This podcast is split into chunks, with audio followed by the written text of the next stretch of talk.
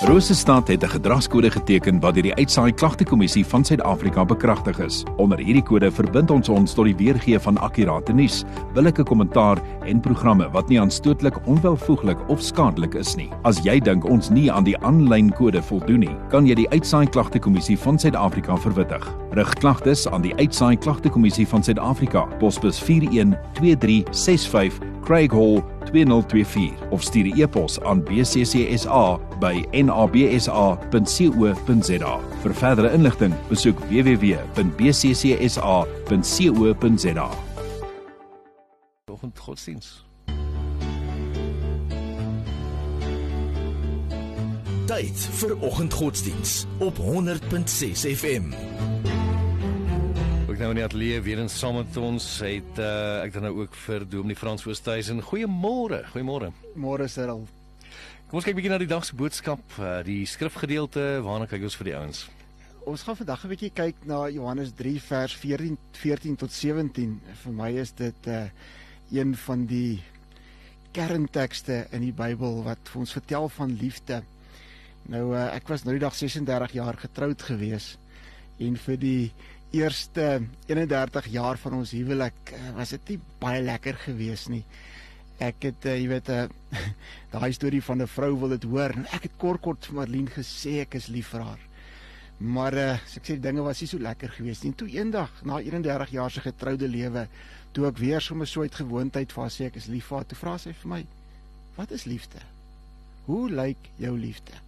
En dit het my op 'n soektog gesit wat op die ouend ons huwelik omgedraai het. Dit was 'n keerpunt in ons in ons huwelik gewees. In die laaste 5 jaar wat ons geleer het hoe liefde werk, het regtig 'n groot verskil in my lewe gemaak.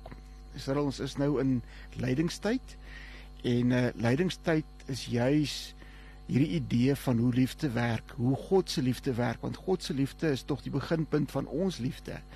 Nou hierdie hierdie hierdie gedeeltjie uit Johannes 3 wys vir ons hoe God se liefde 'n gee liefde is.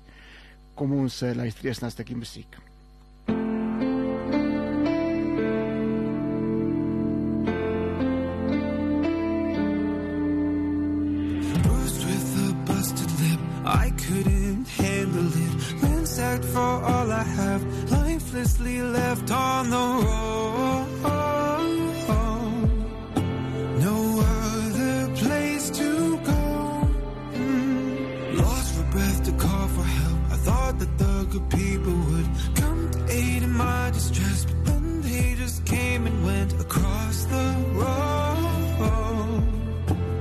Was on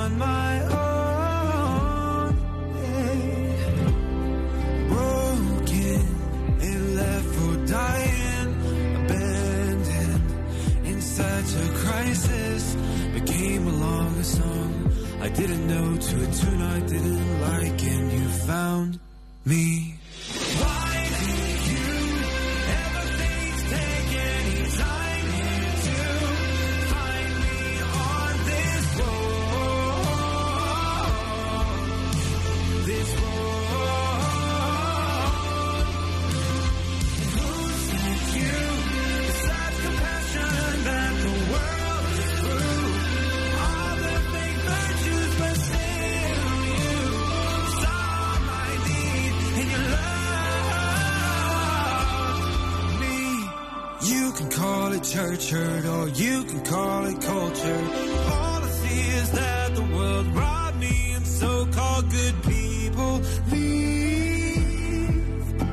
But what standards are these?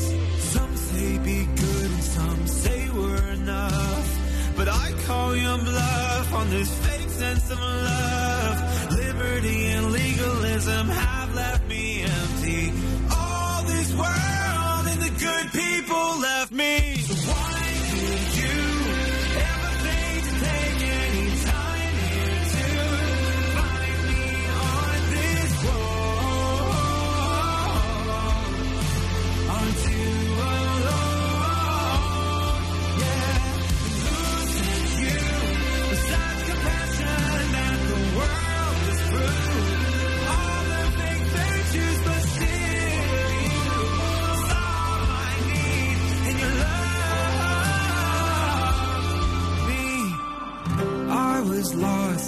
got turned around. A neighbor helped me find truth and then I got found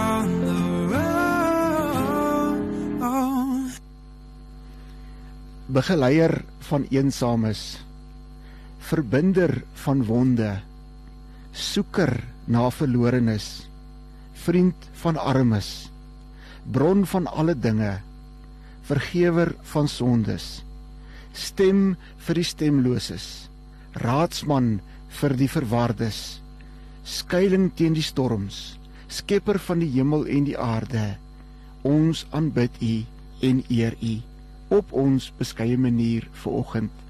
Here, ons pleit, sien tog vanoggend ons raak en raak ons aan. Amen. Ons lees vanmôre uit Johannes 3 vanaf vers 14 tot 17. Moses het die slang in die woestyn hoog op 'n paal gesit. So moet die seun van die mens verhoog word, sodat elkeen wat in hom glo, die ewige lewe kan hê. God het die wêreld so liefgehad dat hy sy enigste seun gegee het sodat die wat in hom glo nie verlore sal gaan nie maar die ewige lewe sal hê. God het nie sy seun na die wêreld toe gestuur om die wêreld te veroordeel nie, maar juis sodat die wêreld deur hom gered kan word. In hierdie lydingstyd um, kyk ons na hierdie gedeelte en in die eerste plek sien ons vir Jesus aan die kruis as Moses 'n slang op 'n paal moes sit en almal wat opkyk na die slang toe um, het genesing gekry dat ons ook vermoere iets kan hoor van Jesus wat aan die kruis is en wanneer ons opkyk na hom toe dan kry ons ook 'n groot stuk heling en genesing. Nie net in onsself nie nie net vir die verlossing van ons sondes nie maar ook om vir ons hierdie lewe in oorvloed wat God gegee het te kom te kom bied. Ehm um, God se liefde sien ons in hierdie gedeelte is 'n gee liefde. Want so lief het God die wêreld gehad dat hy sy enigste seun gegee het. Nou, liefde is dan as ons by die Here kan sien en kan leer, dan's liefde eerder om te gee as om te eis. Liefde is nie selfgerig nie. Ek dink aan Filippense waar daar staan dat Jesus sy God gegeewe plek op die troon prys gegee het om na die aarde toe af te daal om mens te word om tussen ons te kom te kom woon. Hy het homself letterlik gegee. Dit vier ons by Kersfees. Dit vier ons in lydingstyd. Dit vier ons by Paasfees en dit vier ons ook in koningskrykstyd waar ons leer dat Jesus homself vir ons gegee het.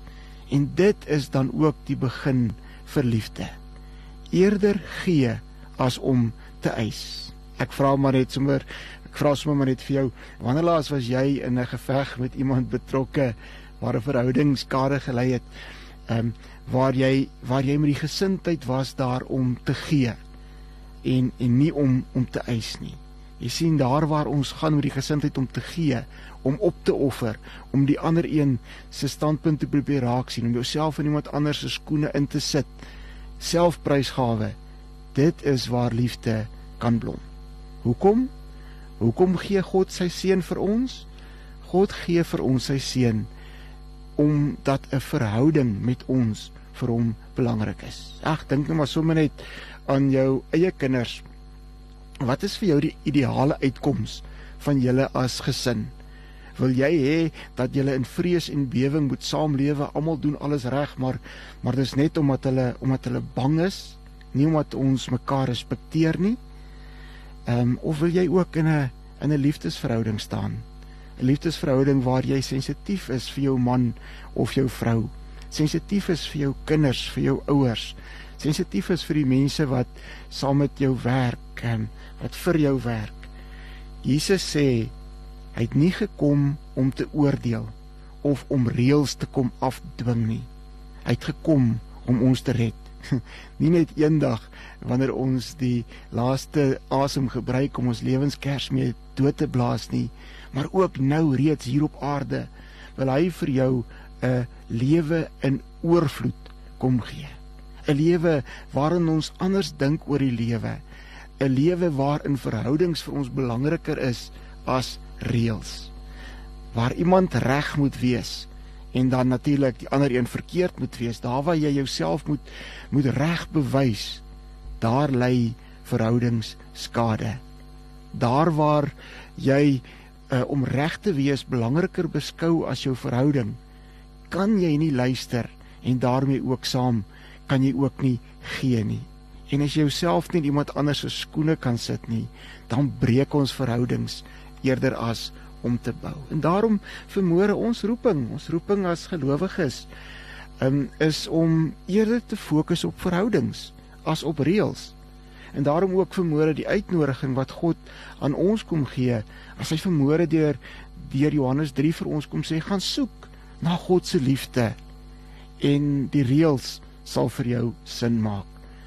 Die reëls sal vir jou uh, as jy soek na God se liefde en jy bou 'n verhouding vanuit hierdie verhouding sal die reëls vir jou sin maak sal jy vrygemaak word van reëls soos wat God dit bedoel. En daarom gaan fokus op die bou van verhoudings. In jou huwelik is dit belangrik om om verhoudings te prioritiseer ek het net nou gesê eerste 31 jaar van ons huwelik was nie vir my of Marlene regtig baie lekker gewees nie waarvan ons geleer het om nie te moet reg wees nie en van ons die die reëls van verhoudings begin leer het het ons huwelik in totaal omgedraai. In die laaste 5 jaar van ons huwelik is absoluut net 'n fees. Kan nie wag om in die aand by die huis te kom nie. Gaan kuier sommer etenstyd uh, by haar universiteit.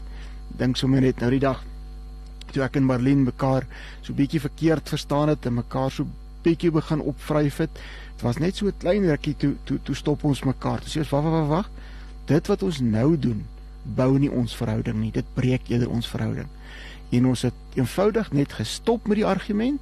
Ons het in die bakkie geklim en 'n uh, eh, boeremark toe gery en ons het pannekoek en koffie gedrink. En na so rukkie toe vra ek vir haar nou, waaroor het ons nou weer gestry? toe kan ons nie eers onthou nie, want jy sien waar mens aan verhoudings bou verdwyn al die ander goed. Enigste plek waar ons stry is vanuit 'n plek van insecurity en waar ons probeer om ons insecurity weg te steek deur reg te moet wees. Jy kan die reg wees miskien 'n argument wen, maar jy gaan maar jy gaan die verhouding verloor. Nie net met jou eggenote nie, maar ook met jou kinders, jou werksmense. Enige situasie waar waar jy 'n verhouding kan verbeter, vergeet daarvan om reg te wees en gaan bou aan jou verhoudings. Jou verhouding met God, verhouding met jouself, verhouding met jou naaste en 'n verhouding met 'n stikkende wêreld. Waar daar liefde en goeie verhoudings is, is geen reëls nodig nie. Vanuit goeie verhoudings groei die lewe in oorvloed wat God vir jou beloof. En daarom gaan bou goeie verhoudings. O Heer en meester van my lewe, verlos my van die traagheid en my selfsug, my hebsug en my oppervlakkigheid. Gee aan u dienskneg 'n een eenvoudige gees, nederigheid, geduld en 'n liefde wat gee eerder as om te eis en te verwag.